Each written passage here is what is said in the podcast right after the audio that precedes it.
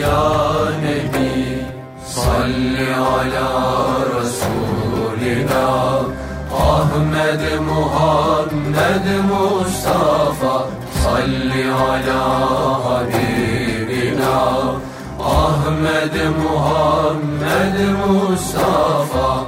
İlim, irfan, ahlak, edep Sende gizli, sendedir hep Helak oldu Ebu Leheb. Servet nedir ya Nebi? İlim, irfan, ahlak, edep Sende gizli, sendedir hep Helak oldu Ebu Leheb. Servet nedir ya Nebi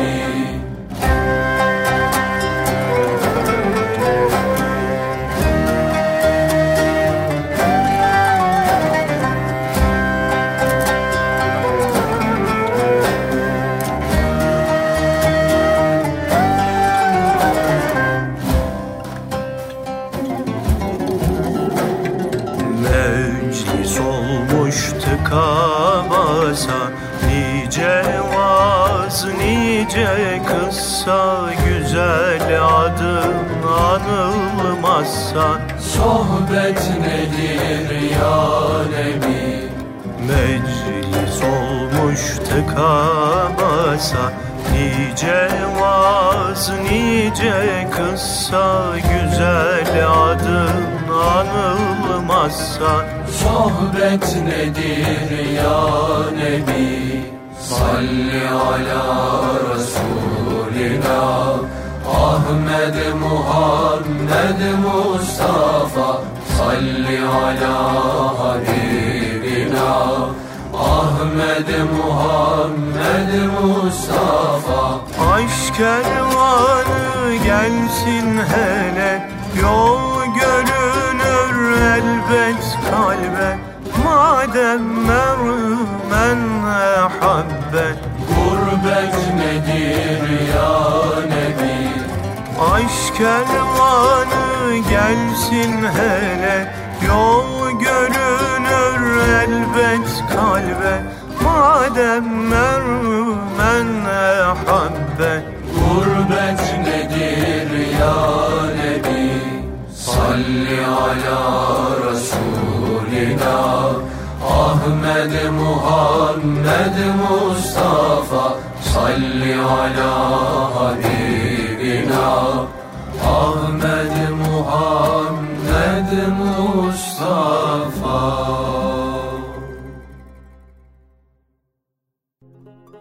Erkam Radyomuzun pek kıymetli dinleyenleri, bendeniz Mehmet Hadi Duran İlahi Nefesler programımızda sizlerle birlikteyiz.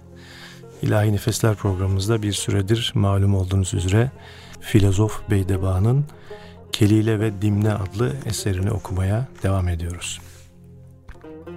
Ve en son balıkçıl kuşunun hikayesinde kalmıştık. Balıkçıl kuşu bir balıkçıl kuşu göl kenarında her gün tutabildiği birkaç balıkla geçinip gidiyormuş. Gitgide ihtiyarlamış, artık balık tutamaz olmuş. Bu gidişle açlıktan öleceği muhakkakmış. Nihayet gıdasını temin edebilmek için kurnazca bir çareye başvurmuş.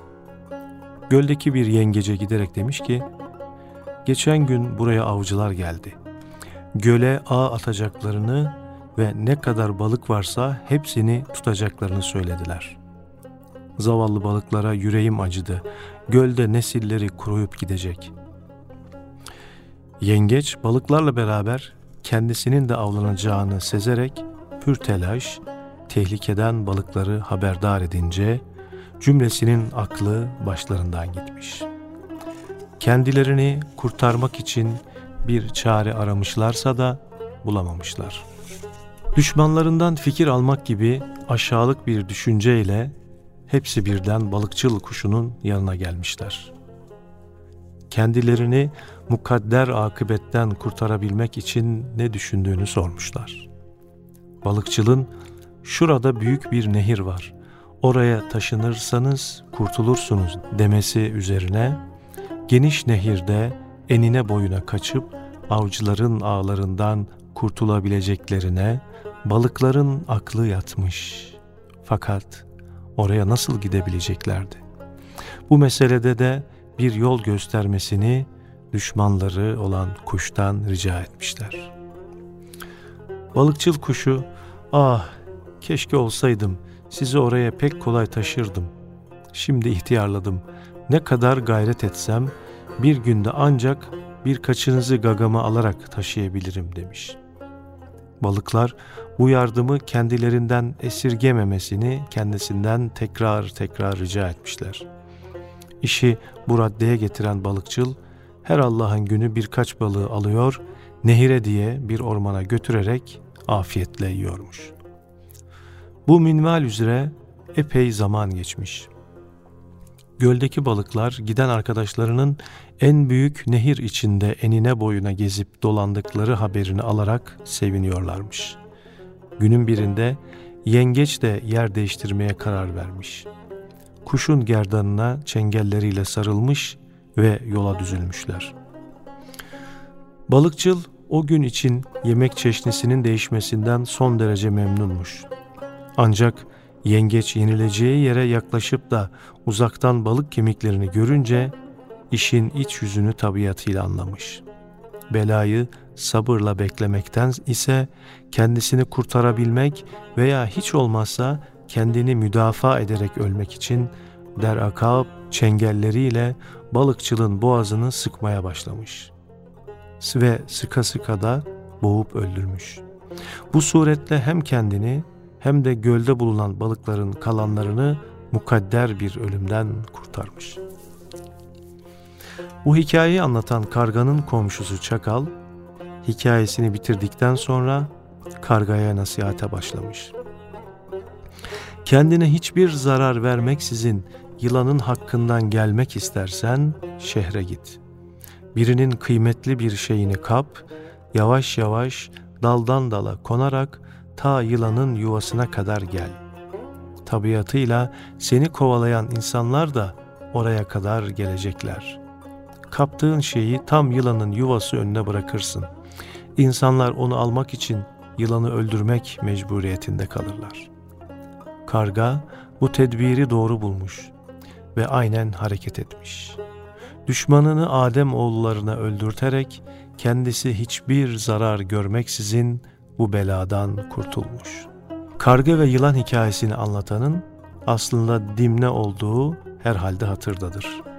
Şetrebe adındaki öküz ile aralarındaki sessiz rekabetten dolayı arkadaşı Kelile ile hasbihal ediyordu.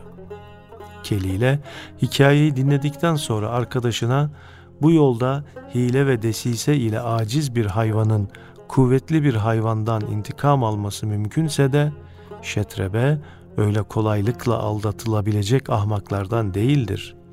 Bazen aldatayım diyenlerin aldandıkları da görülür. Unutma ki ava giden avlanır. Ve bahusus tilkiyi aldatayım derken aldanan tavşan misali gibi diyerek hilekar bir tavşan hikayesi anlatmış. Aldanan tavşan Tavşan bir çalı altında yatarken birdenbire karşısında bir kurt belirmiş. Açlıktan gözleri kararmış, karnı karnına geçmiş bir haldeymiş. Kendisini bir lokmada yiyeceğinden şüphesi kalmamış.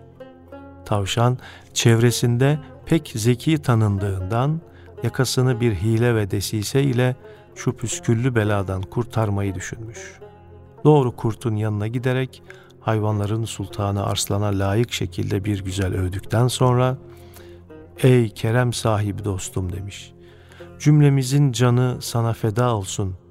Zaten siz sultanımızın gıdası için yaratılmış değil miyiz? Mübarek dişlerinizle size yem olmak bizler için ne büyük bir şereftir. Ne var ki ben gayet zayıf bir hayvanım. Efendimiz'e hiç layık değilim. Komşum olan tilkiye gelince doğrusu semizliğine diyecek yok. Eğer müsaade buyurursanız gidip onu getireyim. Siz Efendimiz'e güzel bir ziyafet çekeyim. Hiç olmazsa karın doyurmak zahmetinize değsin. Kurt bu masallara kanarak razı olmuş. Olmuş ama tavşanın da izini bırakmamış. Tilkinin yuvasına kadar tavşanı takip etmiş ve dışarıda beklemeye başlamış. Tavşan her şeyden habersiz güler yüzle yuva içine girmiş. Komşusu tilki ile selamlaşıp hal hatır sorduktan sonra sevgili komşucuğum demiş. Batı diyarından kerametleri açık, faziletleri yüksek, evliya gibi mübarek bir zat gelmiş. Sizin böyle zevatın ilmu irfanından feyizyab olmak arzunuzu bildiğimden sizinle tanıştırmak için buraya kadar getirdim. Şu anda kapınızın önünde sabırsızlıkla sizi beklemektedir. Müsaade buyursanız içeri girsin. Zeki Tilki, tavşanın sözlerinde bir hile olduğunu derhal sezmiş ise de bunu hiç belli etmeyerek demiş ki, pek teşekkür ederim tavşan kardeşim. Öyle mübarek zevatla görüşmek en çok sevdiğim bir husustur. Lakin durunuz, evime biraz çeki düzen vereyim, siz lütfen biraz dışarı çıkınız da. Her ne kadar tavşan böyle zahmetlere ne lüzum var canım demişse de tilki kabul etmemiş. Hilesi anlaşılmasın diye de fazla ısrar etmeyerek hemen dışarı çıkmış. Tilkiyi nasıl kandırmış olduğunu kurta ballandıra ballandıra anlatmaya başlamış. Halbuki tilki yuvalarında ekseriye iki kapı olduğundan tilki arka kapıdan başını uzatınca batılı misafirinin kurt olduğunu görmüş. Yuvasında her ihtimale karşı ihtiyatlı bir hazırlık olsun diye kapısının iç tarafına kazdığı, üzerini çalı çırpı gibi şeylerle örttüğü bir çukur varmış. Öyle ki tuzağın üzerine en hafif bir hayvan bile basmış olsa aniden çökecek bir haldeymiş. Bunun içindir ki kurdu buyur etmekte bir mahzur görmemiş. Yuvasından buyursunlar diye seslenerek dışarıdakileri içeri davet etmiş. Tavşan önde, kurt arkada emin adımlarla içeriye dalı vermişler. Dalmalarıyla birlikte her ikisi birden kendilerini çukurun ta dibinde bulmuşlar.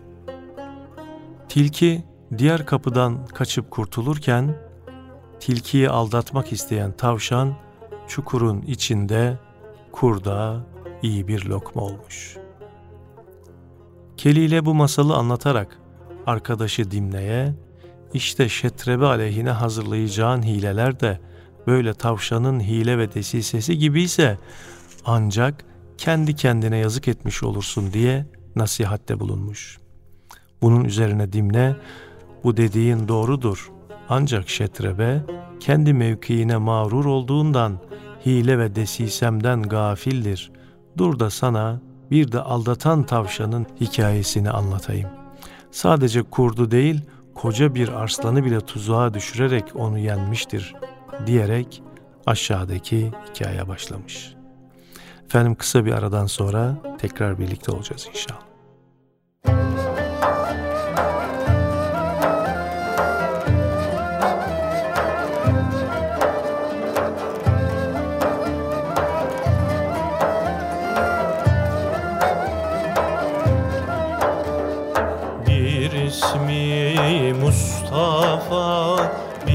İsmi Ahmet. Allahümme salli ala Muhammed.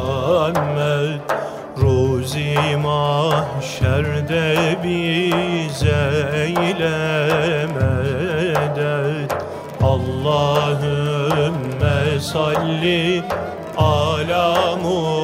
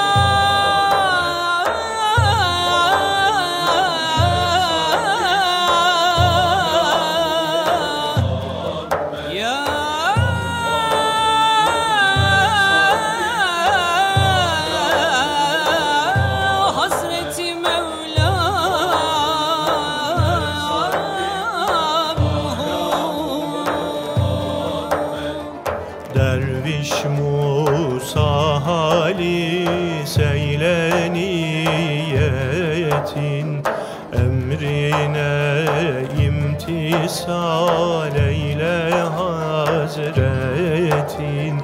İşte budur doğru yolu cennetin. Allahümme salli ala Muhammed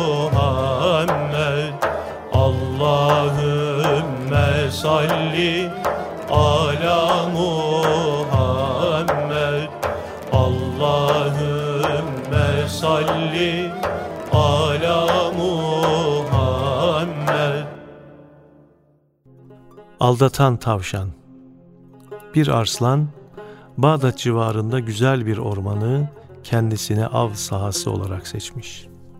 Ormandaki hayvanlardan her Allah'ın günü birkaçını tutar yermiş. Fakat bunları tutayım derken diğerlerini de ürkütüp rahatsız edermiş. Hayvanlar her gün heyecan ile yaşamaktansa kaza ve kaderin kurban olmasını iktiza eylediği içlerinden bir tanesinin kura ile aslana gönderilmesini kararlaştırmışlar. Bu hale göre ancak kura sırası gelinceye kadar hayatta kalacakları aşikarmış. Arslan da bu anlaşmaya razı olmuş. Her gün kura kime vurursa arslana gönderiliyormuş. Ormana güya rahat ve huzur gelmiş. Günün birinde kura tavşana isabet etmiş. Can tatlı olduğundan bir çare tavşan kolay kolay canını vermemeye ant içmiş. Arkadaşlarına aklıma bir tedbir geliyor. Eğer muvaffak olabilirsem hepinizi şu arslanın belasından kurtarmış olacağım demiş. Ve kasten yemek zamanını geciktirecek kadar geri kalmış. Arslanın açlığı son dereceye varmış. Gazabından kuyruğunu yerlere vurmaya ve dehşetli dehşetli kükremeye başlamış. Bu sırada tavşan yapmacık bir heyecanla huzuruna gelerek balıklardan Ahzem isimlisi balıkçıların bu keşfinden niyetlerini sezerek yapmacık bir heyecanla huzurunuza gelerek Sultanım demiş. Bugün Kur'a benim gibi bir tavşana isabet etti. Heyhat onu huzurunuza getirirken yolda bir kuyu başında başka bir arslana rast geldim. Kısmetinizi almak istedi. Her ne kadar bunun hayvanların sultanı olan zatı devletinize mahsus olduğunu anlattımsa da sizden korkup vazgeçmek şöyle dursun, bilakis sizin hakkınızda pek fena surette sövüp saymaya başladı. Sadakatim hasebiyle o kadar kızdım ki kuvvetim olsa gırtlağını koparıp kanını emecektim. Arslan bu sözleri işitince gazap ve hiddeti bir kat daha artarak o edepsizin nerede olduğunu bana çabuk göster. Ona haddini bildirmeliyim demiş. Tavşan da önüne düşerek civardaki derin bir kuyunun başına kadar arslanı getirmiş.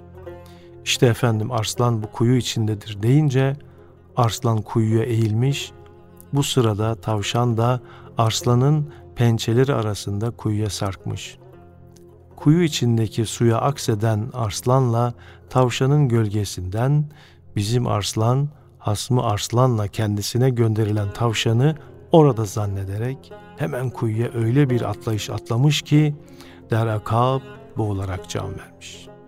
Sair orman hayvanları da bu suretle şerrinden kurtulmuşlar. Dimne bu misalle tedbir sahibi zayıf bir hayvanın kuvvetlilere galebe edeceğini arkadaşı Kelile'ye ispat ettikten ve bir müddet daha iki arkadaş birbiriyle sohbetten sonra Dimne tebası olduğu hayvanların padişahına gitmeye davranmış. Bunun üzerine Kelile son bir nasihat daha ederek Şetrebe'yi telef edeceğim diye kuracağın tuzak sakın veli nimetin arslana da bir zarar vermesin. İnsan önce veli nimetini sonra da kendini düşünmelidir demiş. Dimne de bu nasihati kabul etmiş. Arkadaşına veda ederek efendisinin yanına tekrar dönmüş. Arslan bütün teveccühünü Şetrebe'ye gösteriyor, başka kimsenin yüzüne bile bakmıyormuş. Dimne bir hayli zaman sabır ve sükutla vakit geçirdikten sonra bir gün nasılsa Arslan'a kendini göstermiş. Vay sen görünmez olmuştun ey Dimne. Üstelik yüzünde de gam ve keder izleri görüyorum. Acep sebebi ne ola diye hal ve hatırını sual etmesi üzerine kurnaz Dimne hemen cevabı yapıştırmış. Efendim hakikaten gam ve kederimin sebebi pek büyüktür. Heyhat nice zamandır siz Haşmet Meab Efendimin huzuruna giremediğim için söylemek fırsatını bir türlü bulamıyordum deyince Arslan Dimne'nin sadakat ve doğruluğunu bildiğinden her neyse söylemesi için derhal baş başa kalarak halvete çekilmişler. Fakat Dimne öyle adi boş boğazlardan olmadığından tertip ettiği hile ve desiseyi ustalıkla oynamak için hiç de sabırsızlık göstermemiş. Evvela Arslan'a kendi doğruluk ve sadakatinden bahsetmiş. Arslan'dan bunları tasdik yollu cevaplar alınca yani hala efendisinin kendisinden emin olduğunu bir daha aksini iddia edemeyecek surette itiraf ettirdikten sonra sözü Hikmet Vadisi'ne dökmüş.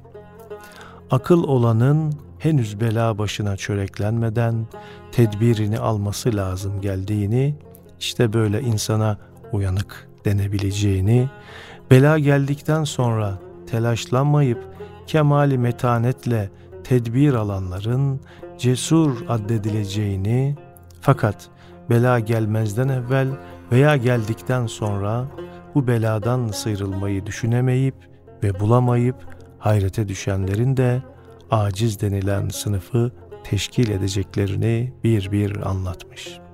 Hatta üç sınıfın ahvalini daha iyi izah maksadıyla şöyle bir de hikaye nakletmiş. Efendim bu hikayelerden e, tabi günümüze uyarladığımızda birçok ibretler de e, ortaya çıkıyor. Tabi buradaki e, özellikle bu hayvan alemindeki temsili e, isimler ve hikayeler e, bugün belki onlardan daha aşağı insanların yapmış olduğu hile ve desiseleri aslında hatırlatmıyor değil bizlere. Rabbim bizleri bu hikayelerden ibret almayı nasip eylesin ve özellikle de Gazze'de, Filistin'de duaya muhtaç, yardıma muhtaç Müslüman kardeşlerimize yardımını, nusretini esirgemesin, onlara yardımıyla muamele eylesin inşallah. Ve bizlere de dua eden kardeşlerine, bizlere de akıllar, şuurlar e, ihsan eylesin diyelim. Ve e, son bir eserle de bu haftaki programımızda sizlere veda edelim inşallah. Haftaya kaldığımız yerden devam etmek ümidiyle efendim.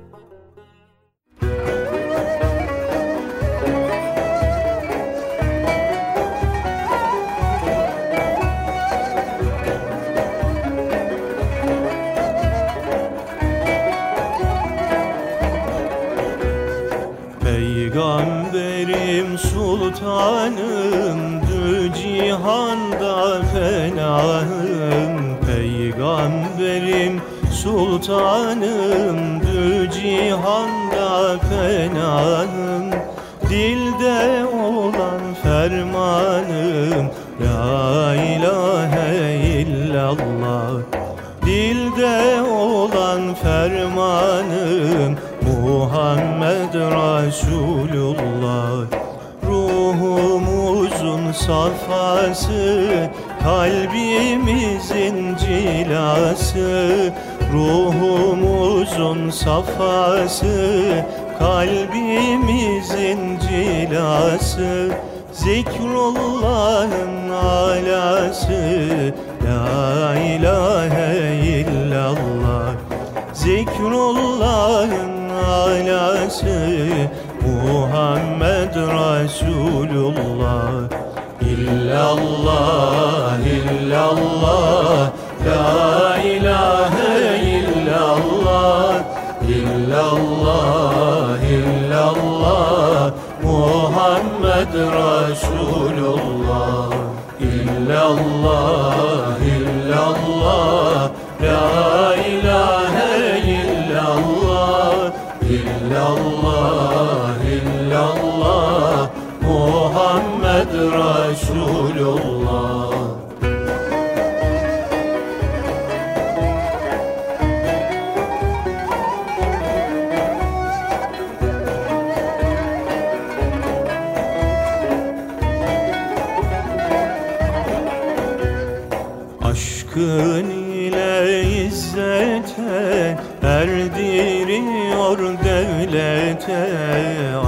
Aşkın ile izzete erdiriyor devlete.